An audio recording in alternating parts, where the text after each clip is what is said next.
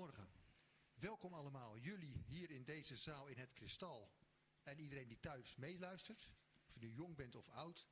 Het is vandaag een bijzondere dag, het is eeuwigheidszondag. En dat betekent dat we stilstaan bij familieleden of bekenden of vrienden die overleden zijn.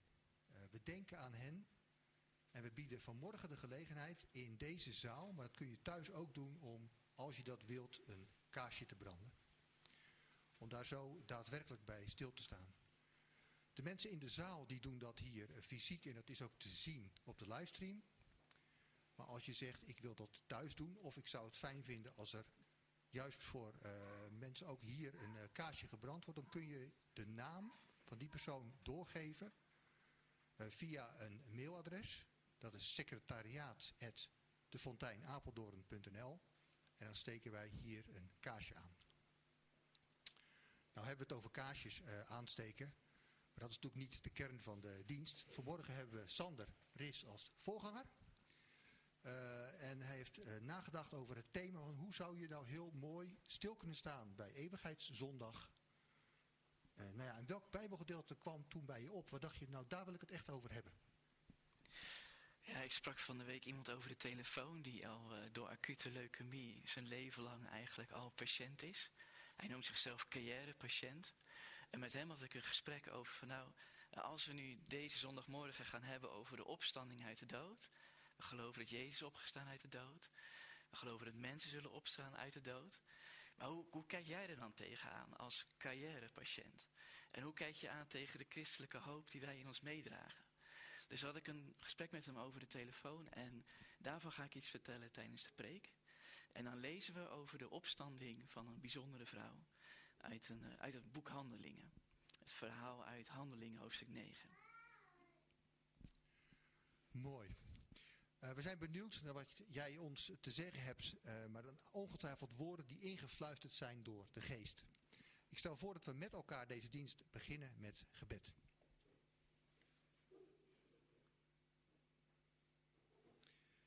Vader in de hemel, we danken u dat we mogen weten dat u er altijd was en altijd zult zijn. In welke omstandigheden wij ook verkeren.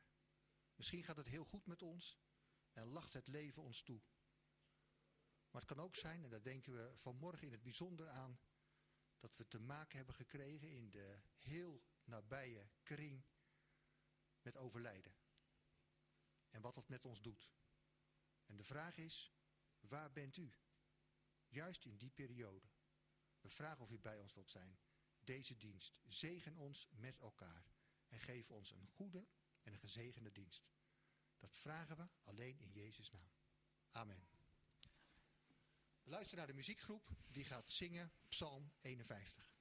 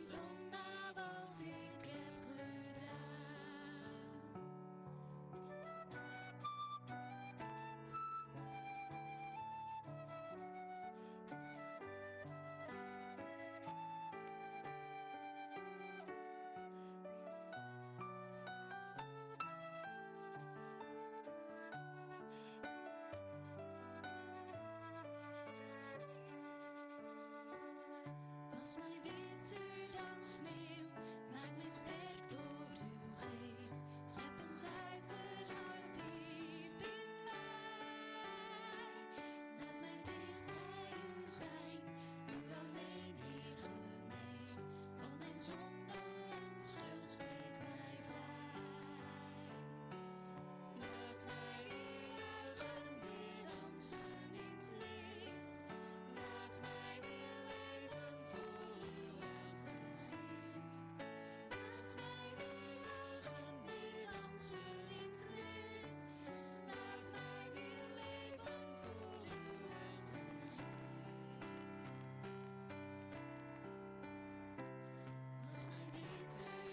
Sneeuw.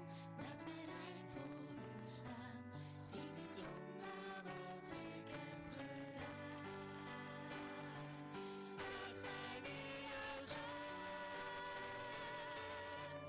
Laat mij weer dansen.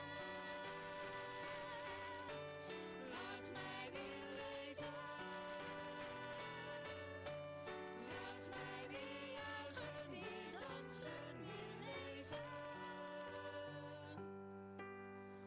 Als mijn winter dan sneeuw, laat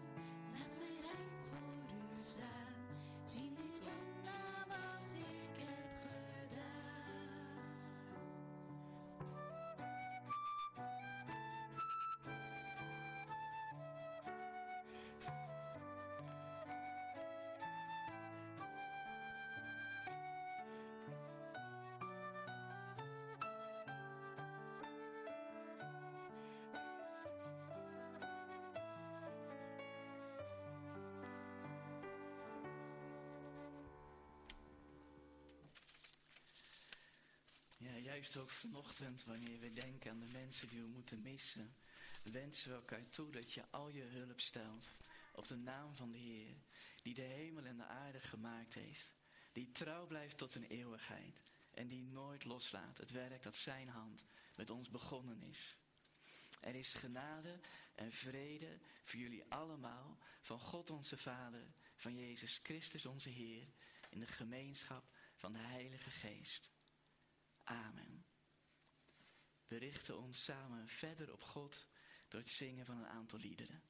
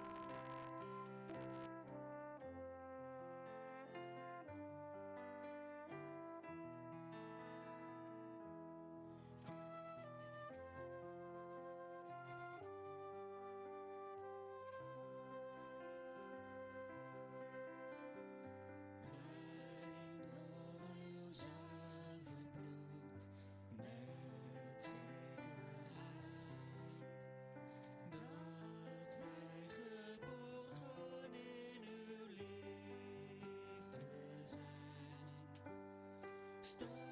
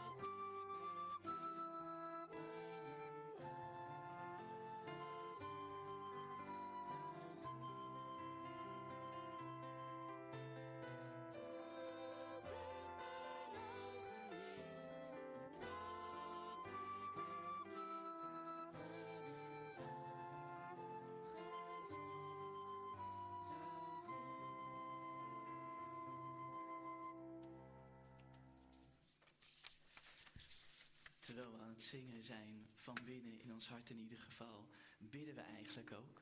Zullen we nu samen bidden door stil te worden voor God?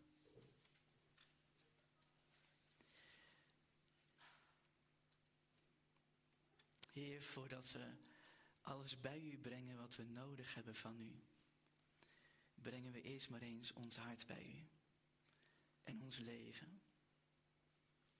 En dat betekent ook alle mensen die leven in mijn hart en in mijn hoofd.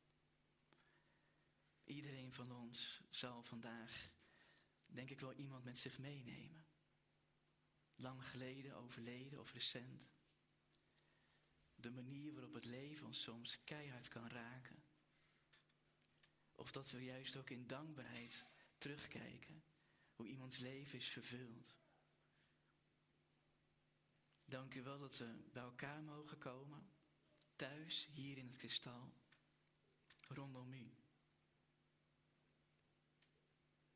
En voordat we allerlei dingen zeggen, willen we eerst maar eens luisteren naar u. Want we geloven dat u de God bent die spreekt en die troost.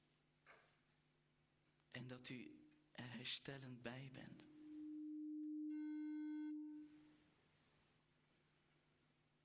We bidden voor elkaar dat als we echt een stukje verdriet hebben rondom sterven, dat u erbij bent op een rustgevende en troostende manier. En we bidden dat als dood en sterven iets verder van ons afstaat, omdat we nog niet zo van dichtbij hebben meegemaakt, dat we toch samen even stil bij willen staan. En we dat als geloofsgemeenschap ook kunnen. Voor iedereen die met ons meekijkt en niet zo gewend is aan kerk of aan een zondag als deze, we vragen u dat u hem of haar thuis gewoon wilt laten merken hoe goed u bent, hoe liefdevol en hoe sterk. We hebben gebeden dat u al onze zonden vergeeft, alles wat tussen mij en u instaat, dat u het wegneemt. En daar vertrouwen we op. Als we vrijmoedig bij u willen zijn, voor u komen willen staan, dan is het in het vertrouwen dat Jezus voor ons de dood, de straf, de vloek, het lege, het zwarte, het donkere, alles voor ons heeft gedragen. En voor ons zichzelf heeft gegeven aan het kruis. Dus daarmee willen we bij u komen en bij elkaar. Bind ons samen en wijs ons de weg terug naar u. Zo willen we ons hart openleggen. Het verdriet wat er is, het gemis wat er is, de vragen die er zijn, maar ook onze liefde voor u. En ons geloof en onze hoop dat de dood niet heeft gewonnen, maar dat Jezus heeft gewonnen. Dank u wel voor alles. Breng ons zo samen, dichter bij u. Amen.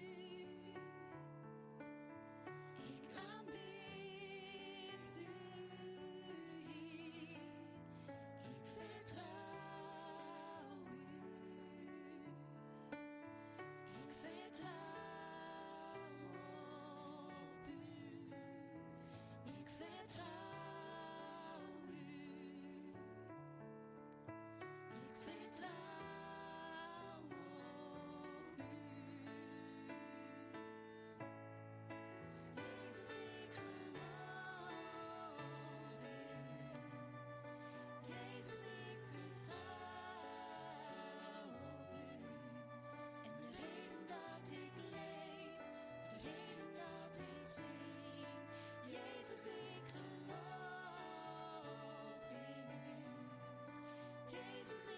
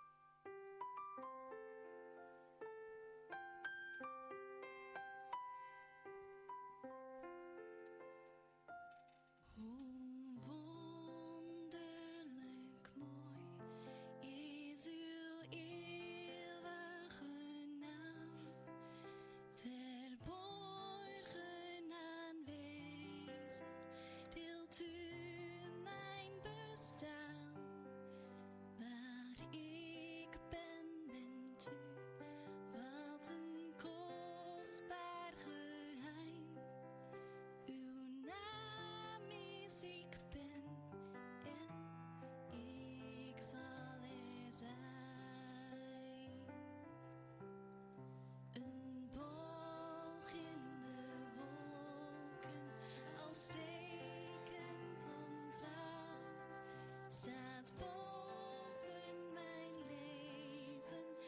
zegt hij.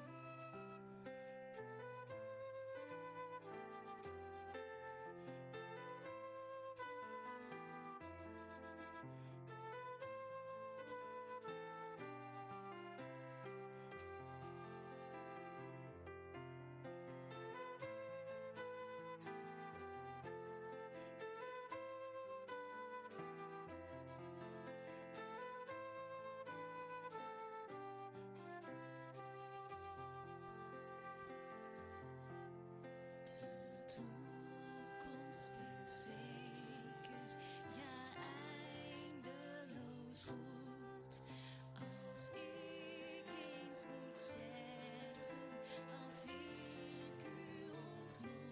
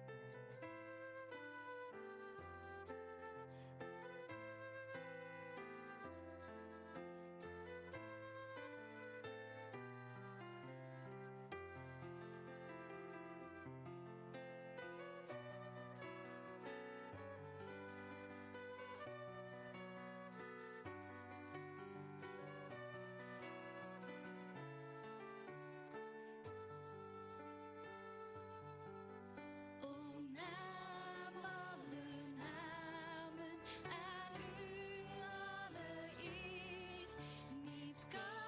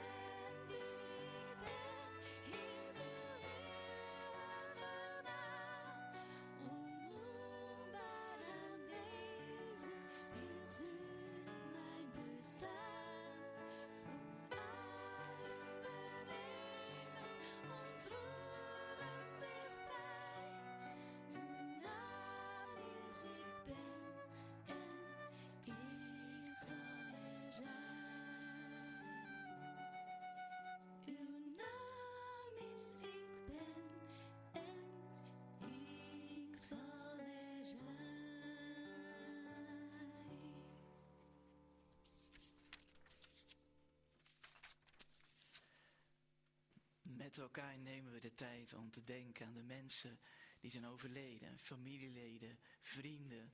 Wij denken vandaag ook onze broer in het geloof, Jan van Deutenkom. Zeker ook wanneer je thuis met ons meekijkt, nodig ik je van harte uit om stil te staan, ook bij degene die jij hebt verloren of moet missen. Dat kan je doen door thuis met ons een vaccinelichtje of kaarsje aan te steken. Misschien een foto van degene die je mist of wil gedenken, om die even een centrale plek te geven.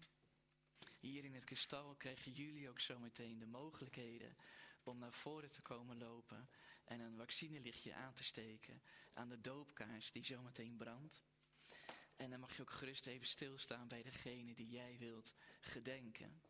Als je straks naar voren komt lopen, wil dan degene die aan die kant zitten van de zaal, wil je dan achter de camera deze kant op lopen en op die manier weer teruglopen naar je plek.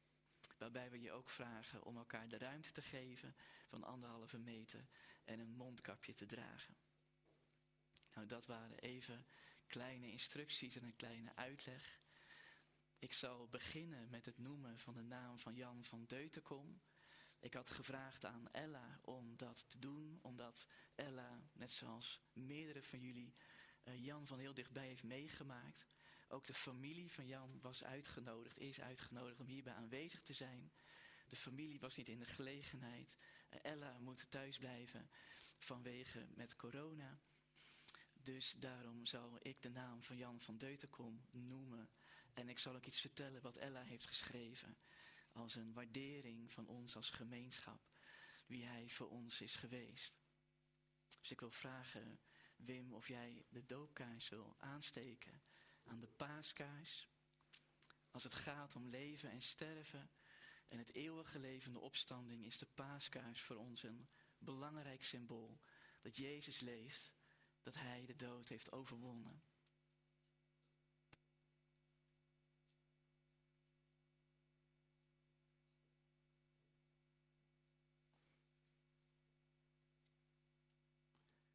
Steken we nu een kaarsje aan, gedenkend onze broeder in het geloof, Jan van Deutenkom. Jan Hendrik van Deutenkom. Hij overleed 4 oktober 2020 in de leeftijd van 82 jaar. Voor een aantal van ons een oude vriend. Voor ieder van ons een geliefde broeder in Christus. Man van de inhoud en avondbijeenkomsten. Man van zingen met hart en handen. Mentor van de Bijbelkring. Hij hield van het leven, zag op tegen het sterven en verlangde naar de hemel. Hij liet los in vertrouwen dat, zoals het staat in Psalm 91, wie in de schaduw van de Allerhoogst is gezeten, vernacht in de schaduw van de Almachtige. Zo gedenken wij Hem.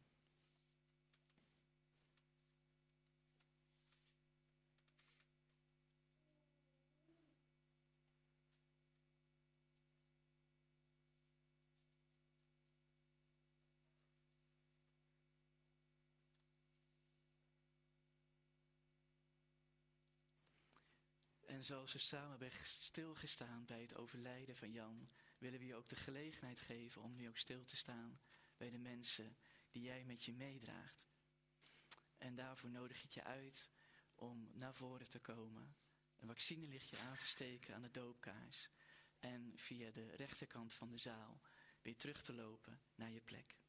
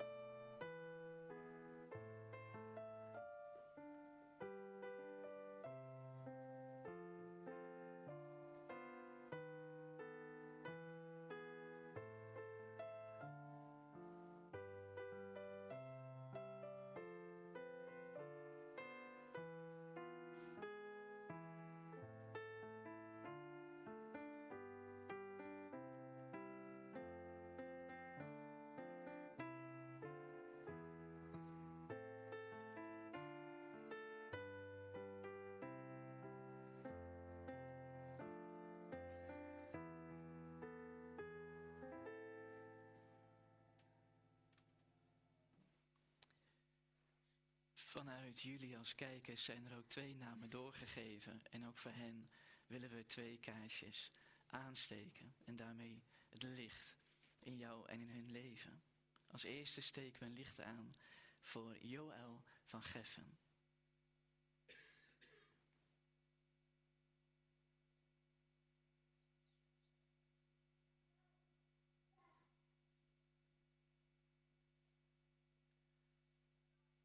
En als tweede steken we een licht aan voor Pita Cornelissen.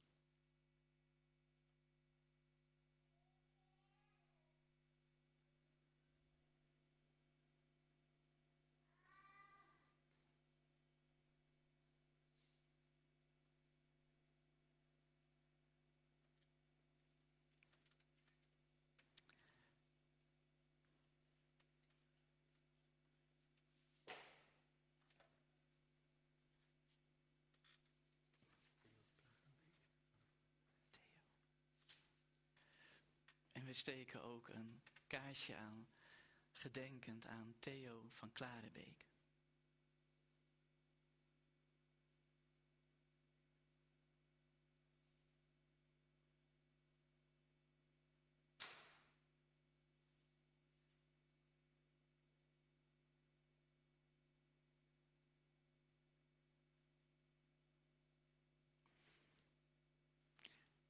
Voordat we samen verder gaan met deze viering, zullen we afsluiten met een kort gebed dit gedeelte van gedachtenis.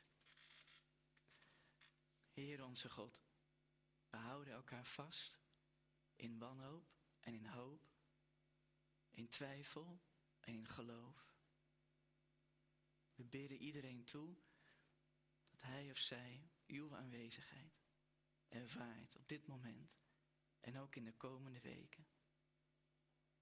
We verwachten u, Heer Jezus, de opstanding van de doden, het eeuwige leven, nieuwe hemelen en nieuwe aarde. We zien uit naar u. Amen. Dan willen we nu graag de kinderen en de tieners aan het woord laten. Ze zingen allereerst een kinderlied met de kinderen. Als je thuis meekijkt, en je gaat zo meteen aan de slag met het verhaal van Tabita. Krijg je in ieder geval een mooi lied te horen. En na het kinderlied kijken we samen naar een aantal vlogs van jongeren die korte filmpjes hebben gebouwd. Waarin ze iets vertellen over hoe zij kijken naar het leven, naar de dood, de hemel en de eeuwigheid. Maar eerst zingen we samen het kinderlied.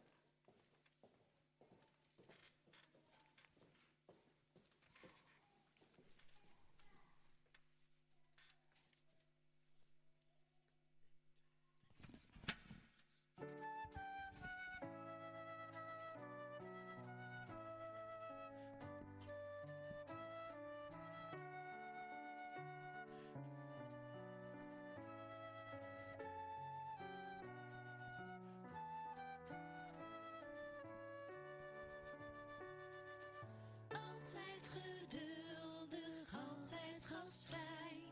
Nooit zegt ze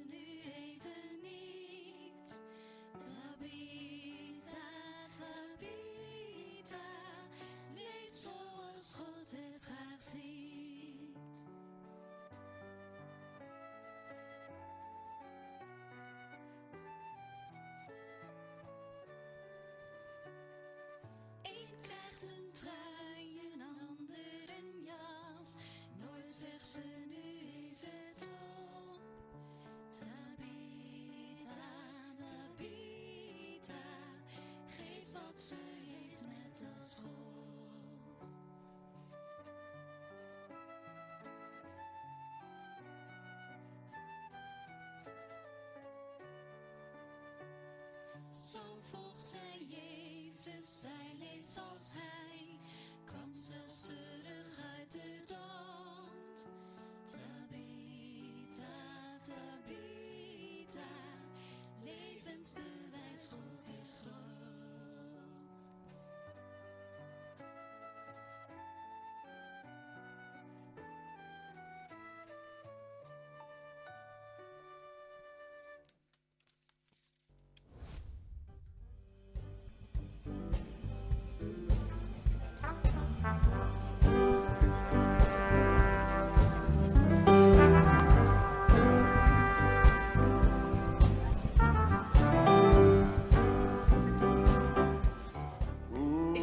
eeuwigheid vind ik best wel lastig onderwerp.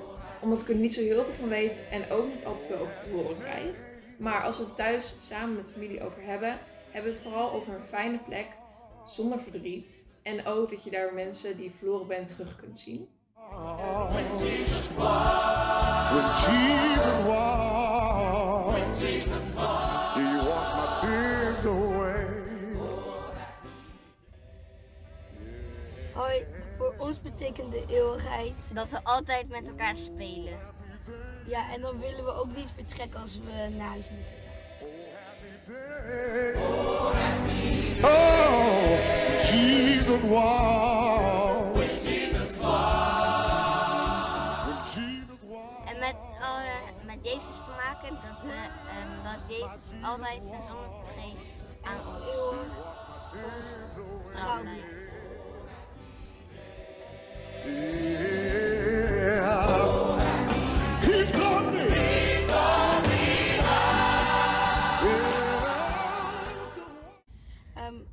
mijn opa is overleden, maar die blij, is, leeft nu eeuwigheid in de hemel, omdat hij van God hield.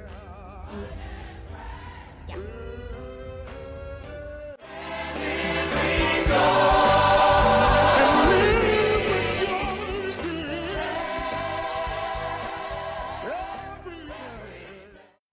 Dit staat er in de Bijbel. Hij zal alle tranen uit hun ogen wissen. Er zal geen dood meer zijn, geen rouw, geen jammerklacht en geen pijn. Want wat er eerst was, is voorbij. Hij die op de troon zat, zei: Alles maak ik nieuw. Ik hoorde zeggen: Schrijf het op, want wat hier wordt gezegd is betrouwbaar en waar. Dus daar vertrouwen wij dan maar op. My Jesus was.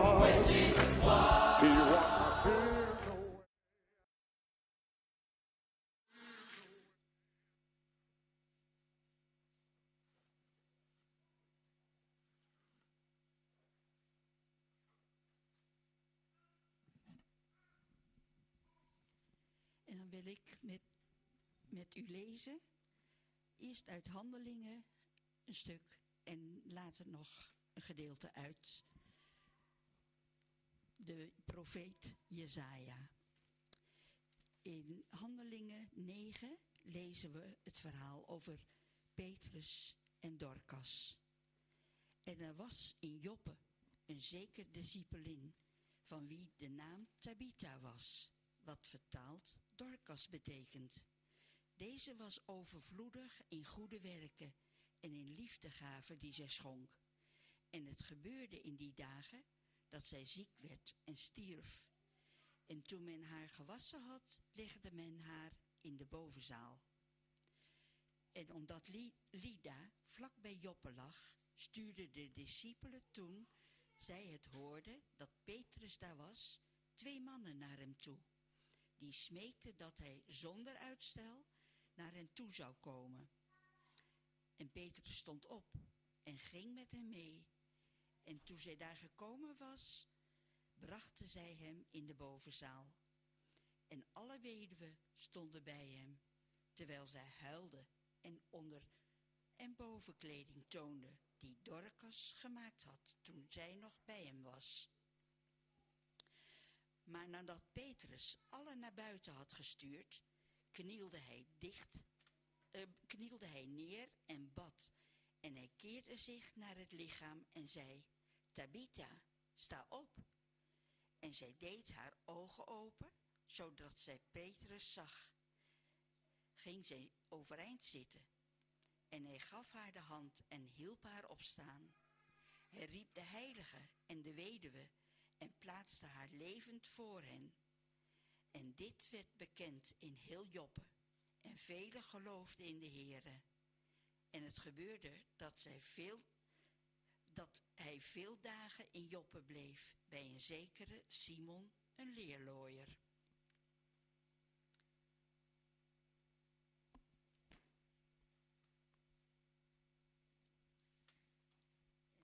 Nu uit Jesaja 65, een nieuwe hemel en een nieuwe aarde. Wat we net ook in het filmpje dus al zagen. Want zie, ik schep een nieuwe hemel en een nieuwe aarde. Aan de vorige dingen zal niet meer gedacht worden. Zij zullen niet meer opkomen in het hart. Maar wees vrolijk en verheugt u in eeuwigheid in wat ik schep. Want zie, ik schep Jeruzalem een vreugde en zijn volk blijdschap. En ik zal mij verheugen over Jeruzalem en vrolijk zijn over mijn volk. In haar zal geen stem van geween meer gehoord worden, of een stem van ge- geschreeuw. Daar zal niet meer zijn een zuigeling die maar enkele dagen leeft, of een oude man die zijn dagen niet zal volmaken. Want een jonge man zal sterven als een honderdjarige, maar een zondaar, al is hij honderd jaar, zal vervloekt worden. Zij zullen huizen bouwen en erin wonen. Zij zullen wijngaarden planten en van hun vruchten eten. In wat zij bouwen zal geen ander wonen. Van wat zij planten zal geen ander eten. Want de dagen van mijn volk zullen zijn als de dagen van een boom. En mijn uitverkorenen zullen lang genieten van het werk van hun handen. Zij zullen zich niet voor niets vermoeien of kinderen baren voor iets verschrikkelijks. Want ze zijn het nageslacht van de gezegenden door de Heere en hun nakomelingen met hen. En het zal geschieden dat voordat zij roepen, ik zal antwoorden. Terwijl zij nog spreken, ik zal horen. Een wolf en een lammetje zullen gezamenlijk weiden. Een leeuw zal stro eten als een rund. Een slang zijn voedsel zal stof zijn. Zij zullen geen kwaad doen en geen verderf aanrichten. Op heel mijn heilige berg, zegt de Heere. Tot zover.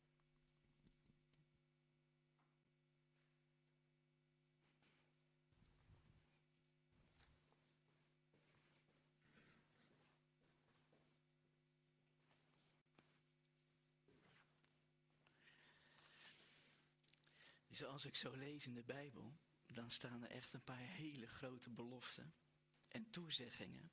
Wanneer het gaat over sterven of doodgaan. Wanneer het gaat over opstaan uit de dood. En een hele nieuwe aarde en een hele nieuwe hemel meemaken. Wanneer Jeruzalem herbouwd en hersteld wordt. En ik denk altijd bij mezelf, dat is zo groot, dat is zo abstract ook ergens, maar in ieder geval zo groot, zo niet bedenken. Hoe vertel ik dat aan iemand anders?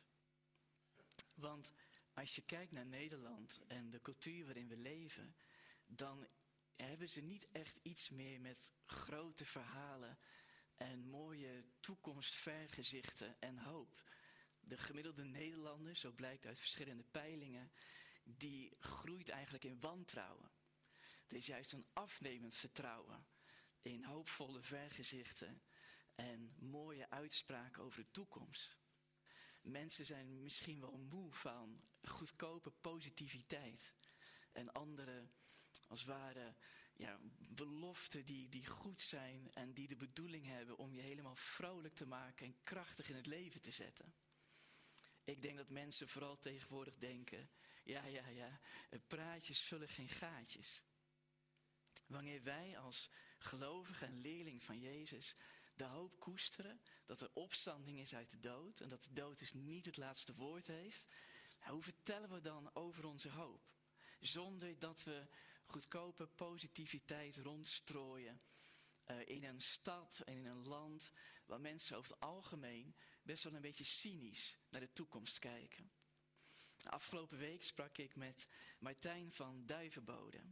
En zijn leven lang woont hij in Apeldoorn. Met bekende en onbekende bandjes eh, trok hij in vorige jaren langs podia en festivals. Hij schopte het tot directeur van Gigant. Ik denk dat jullie hem vaker misschien hebben gezien dan ik. En de wereld lag aan zijn voeten. Totdat hij van de een op de andere dag door acute leukemie een voltijd patiënt werd. En tijdens het proces van ziek zijn en allerlei behandelingen en de dood ook wel echt recht in de ogen kijken, hield hij een blog bij. Je kan dat vinden op martijnvanduivenbode.nl. En binnenkort komt er een boek uit van zijn hand. Met de titel Carrièrepatiënt. Over zijn patiëntenleven. Waar maar geen einde aan lijkt te komen. Zoals hij zelf schrijft. En ik las een interview met hem in een van Apeldoorns stadsbladen. Want een Apeldoorner die een heel boek schrijft, dat is dan wel wat. En daarin vertelt Martijn over hoe hij kijkt naar lijden en de mogelijkheid dat je komt te sterven of dat van dichtbij meemaken.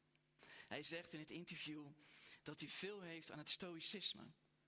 Hij zegt het stoïcisme is de denkwijze die mij het meest geholpen heeft.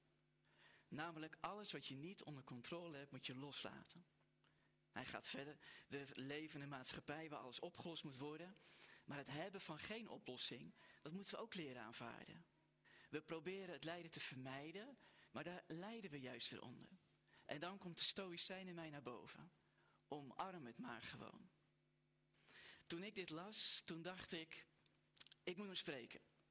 Dus ik belde hem op, we hadden contact, een klein uur aan de telefoon.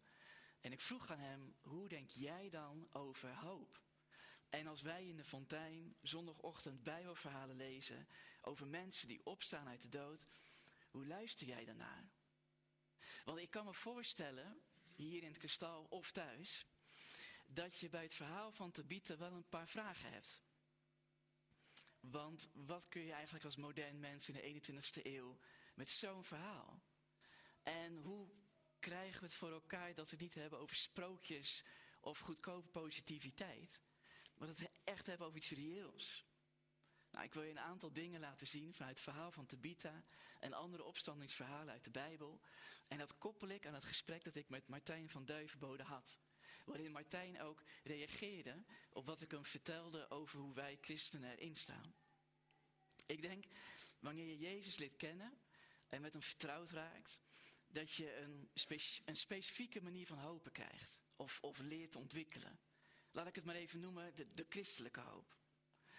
En het eerste wat Martijn tegen mij zei, hij zei, waar ik niet goed tegen kan, of waar ik eigenlijk niks mee wil, is dat christenen aankomen met een hoopvol verhaal, of met een overtuiging of een ideaal, zonder dat ze ook empathie hebben en inlevingsvermogen. Want je begrijpt, wanneer ik geloof dat Jezus de dood verslagen heeft, en dat geloof ik, en wanneer ik geloof dat mensen die komen te overlijden in vertrouwen met Hem naar de hemel gaan, en dat geloof ik ook echt. Maar wanneer ik dat deel met bijvoorbeeld Martijn, die simpelweg zijn leven lang en waarschijnlijk de rest van zijn leven menselijk wijs gezien de meest grove behandelingen nog zou moeten ondergaan, dan stuit het bij hem op een muur. Want ik heb het over mijn geloof, over mijn overtuiging, over mijn ideaal. Het mooie is, als je duikt in de opstandingsverhalen van de Bijbel, toen ik dat deed samen met Martijn, dan kom je erachter dat je in al die opstandingsverhalen een onverklaarbare dosis emoties hebt en, en gevoelens. Ik zou verwachten dat bij een opstandingsverhaal zoals Tabitha, zij staat op uit de dood. En als het alle rouw die je zou kunnen hebben, of alle verlies, of alle gevoelens, of misschien voel je wel helemaal niks wanneer iemand sterft, de leegheid in jezelf, dat het verdwijnt. Maar het heeft juist een hele grote rol. In ons verhaal van Tabitha, je leest hoe twee mannen voor een vrouw, terwijl vrouwen in die tijd echt toch wel een stukje minder waard waren in het publieke leven. Twee mannen zetten het op een lopen om 30 kilometer minstens te overbruggen van Joppe ehm, naar uh, of van Lidda naar Joppe moet ik zeggen, waar Petrus verblijft. En ze vermanen Petrus, het is echt van je moet meteen komen, direct en nu. En dan zie je hoe Petrus binnenkomt in het huis en aan de hand van mensen die door Tabitha's vrijwilligerswerk zijn geholpen, wordt meegenomen naar een bovenzaal. En hoe ze daar mantels en kleren die Tabitha in haar vrijwilligerswerk heeft gemaakt, die tonen ze aan hem. En je ziet dat het verhaal bol staat van gezonde trots op, Talit, op Tabitha, op vriendschap, op liefde voor haar. Ook een stukje ontkenning, alsof ze nog niet willen weten dat ze echt weg is. En een stukje verdriet. Ja, logisch, zul je zeggen. Maar als je er verder in verdiept, dan zie je ook in andere opstandingsverhalen dat allerlei heftige gevoelens of juist een stukje verwarring een grote rol spelen. Hier in het Bijbelboek Lucas, uh, hoofdstuk 7, komt Jezus een vrouw tegen die haar enige zoon moet begraven. Toen Jezus de poort van een stad naderde, werd er net een dode naar buiten gedragen, de enige zoon van een weduwe. En een groot aantal mensen vergezelden haar. En toen de Heer haar zag, werd hij door medelijden bewogen. Een Amerikaanse vertaler uit de Message, die vertaalt hier, his heart broke. Zijn hart brak. En dat vind ik mooi, dat Jezus hart breekt, maar ik vind het ook vreemd. Want een paar minuten later doet Jezus de zoon van deze vrouw uit de dood opstaan. Dan lees ik, Jezus kwam dichterbij, raakte de lijkbaar aan, de dragers bleef stilstaan. En hij zei, jongeman, ik zeg je, sta op. De dode richtte zich op en begon te spreken. En Jezus gaf hem terug aan zijn moeder. En dan vraag ik me af, als Jezus het pijnlijke verlies van deze moeder binnen een paar minuten gaat oplossen, waarom is hij dan nog eerst met haar aan het meevoelen? Waarom breekt zijn hart letterlijk? Waarom zou je al die moeite doen? Vraag ik me dan af. Is misschien een beetje een mannelijke vraag. Waarom zou je al die moeite doen voor al die emoties als straks voorbij is? In een ander opstandingsverhaal uit de Bijbel sterft een goede vriend van Jezus. Die goede vriend heet Lazarus. Jezus komt een paar dagen later aan. De familie van Lazarus, zijn vrienden, ze zijn er allemaal, ze rouwen. De zussen van Lazarus zeggen tegen Jezus, als je nou eerder was gekomen, dan was het heel anders gegaan. Dus Jezus komt binnen in die chaos van verdriet en boosheid. En je leest dan dat hij ook echt contact maakt met wat er in die familie omgaat. Maar hij maakt ook contact met zijn eigen gevoelens. Je leest niet alleen dat hij huilt, Jezus huilt, staat er dan, gewoon kort en krachtig. Maar ook dat woede, dus boosheid, bevangt zijn geest. En alles in hem is in verwarring. Ik vind het verbazingwekkend hoe sterk dit aanwezig is. Ik had toch wel verwacht dat Jezus meer als de Zoon van God simpelweg zijn opstandingskracht zou laten gelden. En dat is het. Wanneer Jezus een meisje uit de dood opwekt, de dochter van een synagogeleider met de naam Jairus, dan stuurt hij, net als Petrus het doet, de mensen naar buiten, behalve de vader en moeder. Die blijven in het meisje naar slaapkamer. Het meisje ligt gestorven op bed. Jezus pakt het meisje bij de hand en dan zegt hij, Talita kum. Wat betekent iets als, meisje wordt wakker. Maar het zijn woorden die je in het gewone leven gebruikte om een geliefd iemand, bijvoorbeeld je dochter, even wakker te schudden. Zoals ik het ook wel eens doe. Talita, Talita zo. Dus het toont Jezus kracht. Hij schreeuwt niet, hij roept niet, hij tikt haar gewoon wakker uit de dood. Dat kan hij dus blijkbaar. Maar het toont nog iets voor mij veel opvallender. De alledaagse liefde. De emotie die er in hem omgaat. Waarschijnlijk is er een reden dat Jezus een meisje met de naam Talita opwekt en Petrus een vrouw met de naam Tabitha. Allebei worden ze volgeraakt door de volle kracht van het moment. Het persoonlijke, het gevoelige, het emotionele en de liefde. Dus wanneer ik geloof in opstanding en wanneer ik deel met anderen dat de dood niet het einde is, ergens zou er dan bij mij, denk ik, dus ook die gevoeligheid moeten zijn. En de bereidheid om een hart te laten breken. Ik weet niet hoe dat voor jou is, maar je hart te laten breken, dat gaat nog iets verder dan een stukje empathie proberen aan de dag te leggen. Wanneer ik aan Martijn vertel wat ik geloof, ook voor hem, dan snap je wel dat hij zoekt naar een stukje inlevingsvermogen van mijn kant en een stukje gevoeligheid die verder gaat, die een paar stappen verder zegt. Martijn zei dat hij ooit een evangelist had ontmoet. Hij noemde in ieder geval iemand een evangelist. En die evangelist die vroeg om of hij voor Martijn kon bidden. En Martijn zei, ja dat wil ik wel. Dat is bizar hè, hoe open mensen ervoor staan eigenlijk gewoon. Ja dat wil ik wel. En de evangelist kwam bij hem thuis in zijn woonkamer. En de evangelist zei, ik zou graag hier en nu met je willen bidden. En Martijn zei op dat moment, had hij gewoon niet door hoe ik me voel. Hij had gewoon niet door dat hij een grens overging. En Martijn die deed de deur dicht. Volgens mij liet hij hem zelfs nog heel aardig uit hoor, daar niet van. Maar innerlijk deed hij de deur dicht. Waar we samen op kwamen is van oké. dus als ik leer, als gelovige, als getuige van de opstanding, als ik het zou kunnen leren om echt mijn hart te laten breken, zoals het bij Jezus ook gebeurt en bij Petrus ook gebeurt, misschien zou je dan wel veel meer hebben aan mijn christelijke verhaal over opstanding. Ja. Eh, het tweede wat Martijn zei, hij zei, jullie christenen willen altijd iemand helpen. Jullie willen altijd iemand hoop geven. Of, of een goed verhaal of iets beter maken. Hij zei, wanneer staan jullie nou gewoon eens toe dat je eerst geholpen wordt? Dat ik als gelovige eerst eens mezelf laat helpen, dat ik eerst eens ontvang. En het mooie is, als je daarmee naar het verhaal gaat, dan kom je dus achter dat het laatste vers van het verhaal van Tabitha, het viel net weg toen Ati het voorlas, het laatste vers is echt super belangrijk. Wanneer het voorval in Joppe bekend gaat worden, oftewel de opstanding van Tabitha, dan zou ik denken dat Petrus een beroemdheid is en dat hij kan inchecken in elk vier of vijf sterren hotel dat Apeldoorn maar kent. En er zijn een paar mooie. Maar dat doet hij niet. Hij gaat verblijven bij een leerlooier. Nou, dan denk ik natuurlijk bij mezelf, oké, wat is een leerlooier? Een leerlooier werkt onder super zware omstandigheden. Misschien een beetje zoals wij vroeger de omstandigheden kenden uit de kolenmijnen in Limburg. Uh, dit is een leerlooierij, een ouderwetse nog, een traditionele, in Marrakesh, in, in Marokko.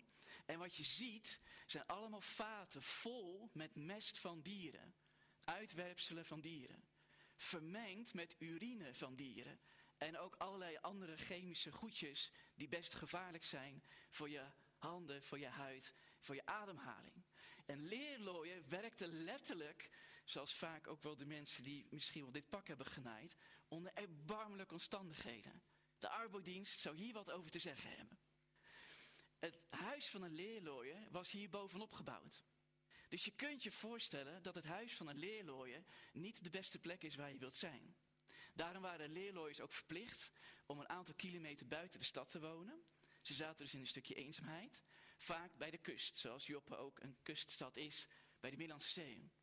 En ik was helemaal stom verbaasd toen ik las dat in het Oude Testament bepaalde wetten worden gegeven waarin een vrouw wordt verplicht, best moeilijk vind ik hoor, maar een vrouw wordt dan verplicht om met de broer van haar man te trouwen wanneer haar man sterft. Er zijn bepaalde wetten over.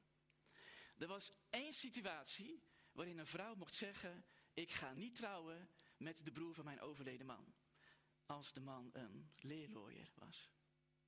Je wilde geen leerlooier zijn in die tijd. Wat is er met Petrus gebeurd? Dat hij een opstanding meemaakt uit de dood. En dat hij gaat logeren bij een leerlooier. En het wordt helemaal bizar wanneer je de naam van de leerlooier leest. Heb je toevallig gelezen? De naam van de leerlooier? Even kijken hoe goed jullie hebben opgelet. Hoe heet hij? Simon. En hoe heet Petrus van origine? Oh, oké, okay, wat, wat gebeurt hier? Petrus maakt een opstanding mee. Hij gaat op zoek naar iemand die min of meer in de goot werkt. Of in de goot leeft. En daar ontmoet hij iets van zichzelf. Zijn eigen naamgenoot. Zijn eigen kern. Zijn eigen persoonlijke zoektocht. Je ziet heel duidelijk dat opstanding uit de dood je alles behalve iemand maakt die vanuit die ivoren toren een overtuiging aan de mensen vertelt. Opstanding uit de dood betekent dat ik niet meer hoef te vrezen voor mijn leven en dat ik iedereen in Apeldoorn, waar ik normaal gesproken nooit zou komen, omdat het stinkt, of omdat het vies is, of omdat het aan de hoek is van het raafrandje van de samenleving, Opstanding geeft juist iets van een open hart, kwetsbare houding en het lef om jezelf te gaan ontmoeten in iemand anders die er niet zo heel fijn aan toe is. Als ik dan denk aan wat Martijn zegt, van ik heb behoefte, zegt hij. Hij zei, ik sta open voor de christelijke spiritualiteit en voor de hoop die jullie hebben. Maar alsjeblieft, zorg er dan wel voor dat je invoedingsvermogen hebt. Dat je empathie, dat je je hart laat breken. En zorg alsjeblieft voor dat je jezelf eerst laat helpen. Dat je werkt aan je eigen karakter, aan je eigen zelfbeeld. Dat je net als Jezus en net als Petrus je kan verbinden aan andere mensen. En misschien in ons geval is dat niet eens iemand in de goot. Dat is in ons geval wellicht iemand die hier woont in Zuidbroek het leven leidt, weinig heeft met betekenis of met zin of met het goede leven of met spiritualiteit. Ik reed vanmorgen met Talita door de wijk, mijn dochter Talita. Ehm, en het viel me op dat iedereen hier twee auto's op het erf heeft staan. Dat vind ik dan, vind dan zo grappig. Dus dat, dat maakt een verschilletje tussen mij en hen. Dat alleen al.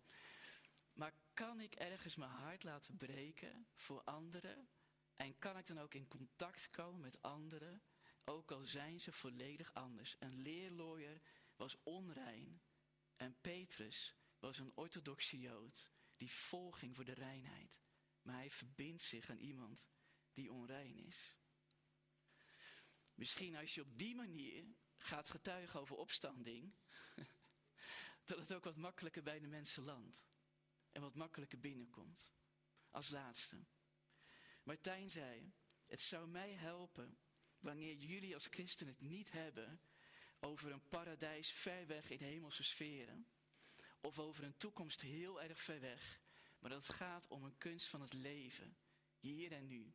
Hoe leef ik hier met de dood en met rouwen en met pijn en met lijden? In het Oude Testament zie je in het groots gebeuren wat Petrus in het klein doet. Opstanding wil ons veranderen voor dit leven hier. God zegt in het Oude Testament, ik schep een nieuwe hemel en een nieuwe aarde. Als er iets is dat wij van Israël leren uit Jezaja, en ook van Petrus en Tabitha, die Israëlieten waren. Als we iets van hen leren, dan is het dat God niet bezig is om Zuidbroek of Apeldoorn of onze planeet af te schrijven. Om ergens anders in een soort van hemelse gewesten iets nieuws te creëren. Het gaat in het boek Jezaja om het herstel van dit Jeruzalem. Op deze planeet, op deze aarde. Het gaat God om het bijeenbrengen van het Joodse volk verspreid over deze aarde. Ook in deze tijd. Wat je ziet bij opstanding, bij Petrus en bij Tabitha, het gaat om zoveel normale, alledaagse dingen. Het gaat om Tabitha die vrijwilligers doet voor anderen, die haar bedrijf zo leidt, want ze zit in de kledingindustrie, Tabitha, dat mensen die het nodig hebben bij haar aan kunnen sluiten en kunnen profiteren van haar bedrijf. Zoals bijvoorbeeld mensen nu een bedrijfje neerzetten in een wat slechtere wijk. Om mensen uit de slechtere wijk op te laten groeien in de wereld van bedrijfsleven. Dus deze Tabitha is heel alledaags bezig. En wanneer dat wordt geblokkeerd door de dood, brengt God een opstanding. Zodat niet alleen Tabitha's lichaam weer gaat leven, maar haar hele structuur van gerechtigheid van mensen om haar heen, haar hele noodopvang die ze heeft gecreëerd, iets alledaags, iets aards, iets wat te maken heeft met gerechtigheid, dat wordt door haar opstanding weer een nieuw leven ingeblazen. En ook in Jezaja gaat het alleen maar over onze wereld. Kijk eens naar deze tekst uit Jezaja. Sorry Ati, ik heb het overgenomen uit NBV. Ik kan natuurlijk even herziene staatvertaling moeten gebruiken, maar vooruit. Maar lees met me mee. Het lijkt toch verdacht veel op onze wereld. Het gaat over baby's en over ouderen vandaag. Het gaat over huizen en wijngaarden, huisvesting en economie. Het gaat over mensen en dieren, weilanden en over stro. Stro, zoals in het konijnenhok bij ons in de tuin. Onze christelijke hoop en de opstanding uit de dood gaat er niet over dat we later als engelen zullen zijn in een eeuwig paradijs. Wat overigens volgens mij wel waar is. Maar als we het over opstanding hebben en over ons getuigenis en over onze hoop, gaat het niet daarover. Het gaat er niet over dat Martijn, als hij Jezus beter leert kennen, zal veranderen na zijn dood in een engeltje met een gouden areooltje en vleugeltjes op zijn rug en dan de Heere God voor eeuwig lof toezingt in het nieuwe Jeruzalem. Ik hoop wel dat dat gaat gebeuren, maar het is niet waar mijn christelijke hoop om draait. Mijn christelijke hoop gaat over hier. Het gaat erover dat er door tieners rotsen wordt getrapt op het rotonde voor de tiny houses in Zuidbroek. Daar gaat mijn hoop over. Mijn hoop gaat over hier. Het gaat over Martijn die nu carrièrepatiënt is. En nu via stoïcijnse spiritualiteit aan het zoeken is naar een antwoord op zijn vragen. Daar gaat mijn hoop over. Mijn hoop gaat niet over daar, zegt Israël. Mijn hoop gaat over hier. en over nu. En Tabitha is daar een levend voorbeeld van, wanneer ze een kring opbouwt vanuit haar bedrijf, van mensen die bij haar bedrijf kunnen aanhaken. Dat zijn weduwen, dat zijn vrouwen die hun man hebben verloren, sociaal gezien heel erg achterop laten raken en zij laat haar toe in haar bedrijfsleven. En dan bouwt ze ook nog eens vrijwilligerswerk op. En Peters die bij een leerlooier gaat zitten. Daar gaat mijn hoop over. Nou goed. Het is best moeilijk hè. Ik, ik, ik, ik, ben, nog, ik ben nog bezig in mijn hoofd. Hoe zou ik dat doen? Nou, ik ben erg benieuwd hoe jullie erover denken. Als wij binnenkort met online kringen gaan beginnen. Of online groepen. Of online, hoe we het ook gaan noemen. Dan hebben we dus een viering als deze. Van drie kwartier een uur. En daarna komen we samen in een online kring. Dat willen we beginnen op 6 december. We wilden eigenlijk eerder beginnen, maar dat ging niet helemaal lukken qua organisatie. Dus over twee weken willen we daarmee beginnen. En dan willen Sjoerd en ik jullie ook vragen meegeven vanuit de preek of het thema van de zondag. Nou, als we nu online kring zouden hebben, dan zou ik echt heel graag op Zoom willen zitten en bij jullie op een online kring. En dan zou ik jullie wel eens willen horen over jullie mij kunnen helpen en hoe ik jullie kan helpen. Met een vraag als, als ik mijn hoop deel met iemand als Martijn, hoe werk ik aan inlevingsvermogen en kwetsbaarheid van mijn kant? Hoe werk ik eraan dat ik kan ontvangen? Dat ik dan ook het karakter heb om te kunnen ontvangen. Het zelfbeeld ook. Dat ik volwassen genoeg ben om toe te geven dat ik de eerste ben die de hoop en de vrede en de rust en de troost nodig heeft. En zouden jullie mij kunnen helpen en zou ik jullie kunnen helpen tijdens de online kring om te bedenken hoe je die christelijke hoop praktisch kan maken. Met woorden, met kijken naar hoe het bij Israël gaat en met hoe je dat in de praktijk doet in Zuidbroek en in Apeldoorn. Amen.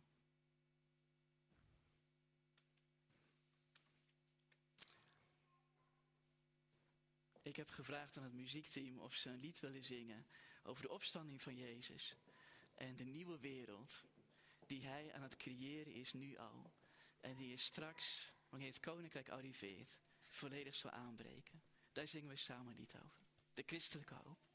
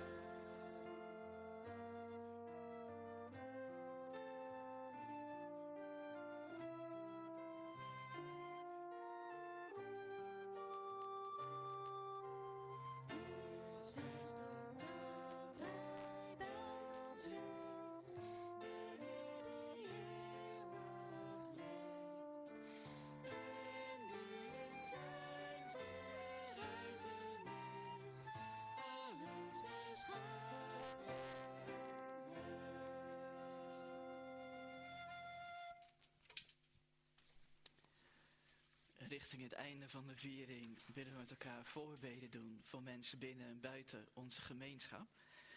Ehm, zijn er nog gebedspunten uit de zaal? Ik, ik heb een aantal gebedspunten hier gekregen.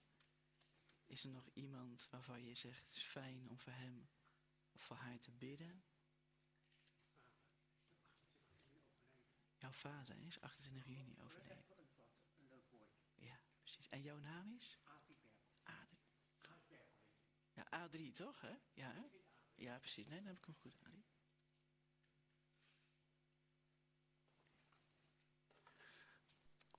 Zullen we samen bidden? Heer onze God, we bidden voor Carla, die dinsdag een nieuwe heup krijgt. Na een lange periode van voorbereiding. We bidden dat het voorspoedig zal gaan. Zegen haar en sta haar bij.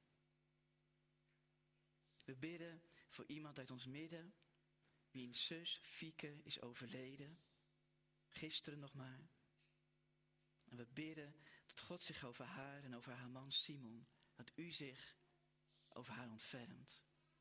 Over haar man Simon, alle mensen om haar heen. Zegen hen. Laat hen zien hoe sterk u bent, hoe liefdevol. We bidden voor Adrie en zijn gemis van zijn vader, die afgelopen juni is overleden. Vader zegen Adrie. Laat hem weten dat u erbij bent, dat het verschil uitmaakt, dat u met hem meegaat. Zo dragen we elkaar aan u op. Iedereen die met ons meekijkt, onze gemeenschap, onze buurten, wijken en onze stad. Wees niet alleen een verrezen Heer over ons leven, maar ook over hun leven. En maak van ons mensen die kunnen getuigen van u. Dank u wel daarvoor. Heere Jezus, opgestane Heer, u zij de eer. Amen. We geven aandacht aan de collecte.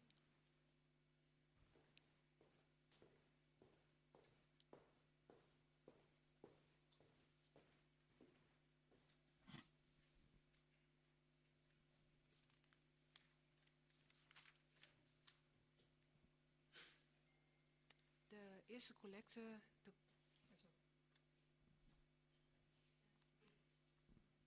Eh, de eerste collecte. Die, is, eh, eh, die, is, die komt in het paarse mandje terecht. Uiteraard, die is voor de diaconie bestemd. En ja, het doel is, ieder jaar gaan wijkdiakenen op pad om kerstpakketten en giften te brengen bij mensen die moeilijk rond kunnen komen. En zeker rond de feestdagen iets extra's heel goed kunnen gebruiken. Ook dit jaar zullen die diakenen dat weer doen. Wij bevelen deze collecte uiteraard bij, van harte bij u aan, want met uw steun zijn diakenen in staat meer mensen uit de wijk te verrassen met een pakket. De tweede collecte in het groene mandje, die is bestemd voor het landelijk pastoraat. Pastoraat heeft te maken met omzien naar en aandacht hebben voor elkaar. Natuurlijk binnen de gemeente, maar vaak ook buiten de muren van de kerk. Zeker ook voor mensen in kwetsbare omstandigheden. Wat kan het belangrijk zijn, een luisterend oor, een begrijpend woord, een hand op de schouder.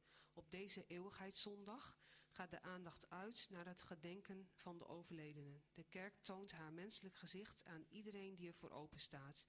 Nogal wat gemeenten hebben minder formatieruimte voor de predikanten, terwijl het aantal uitvaarten vanuit de kerk niet afneemt. Het leiden van uitvaartdiensten door gemeenteleden kan een oplossing zijn. De protestantse kerk biedt hiervoor trainingen aan en met deze collecte maakt u het mogelijk om het ontwikkelen van deze trainingen, eh, nou ja, maakt u dat mogelijk. Eh, beide collectes willen we van harte bij u aanbevelen. U kunt uiteraard ook eh, via de nieuwsbrief de, de rekeningnummers vinden en op die wijze geven. Maar de emmers staan achterin, achter in deze zaal en ook bij de koffie zometeen.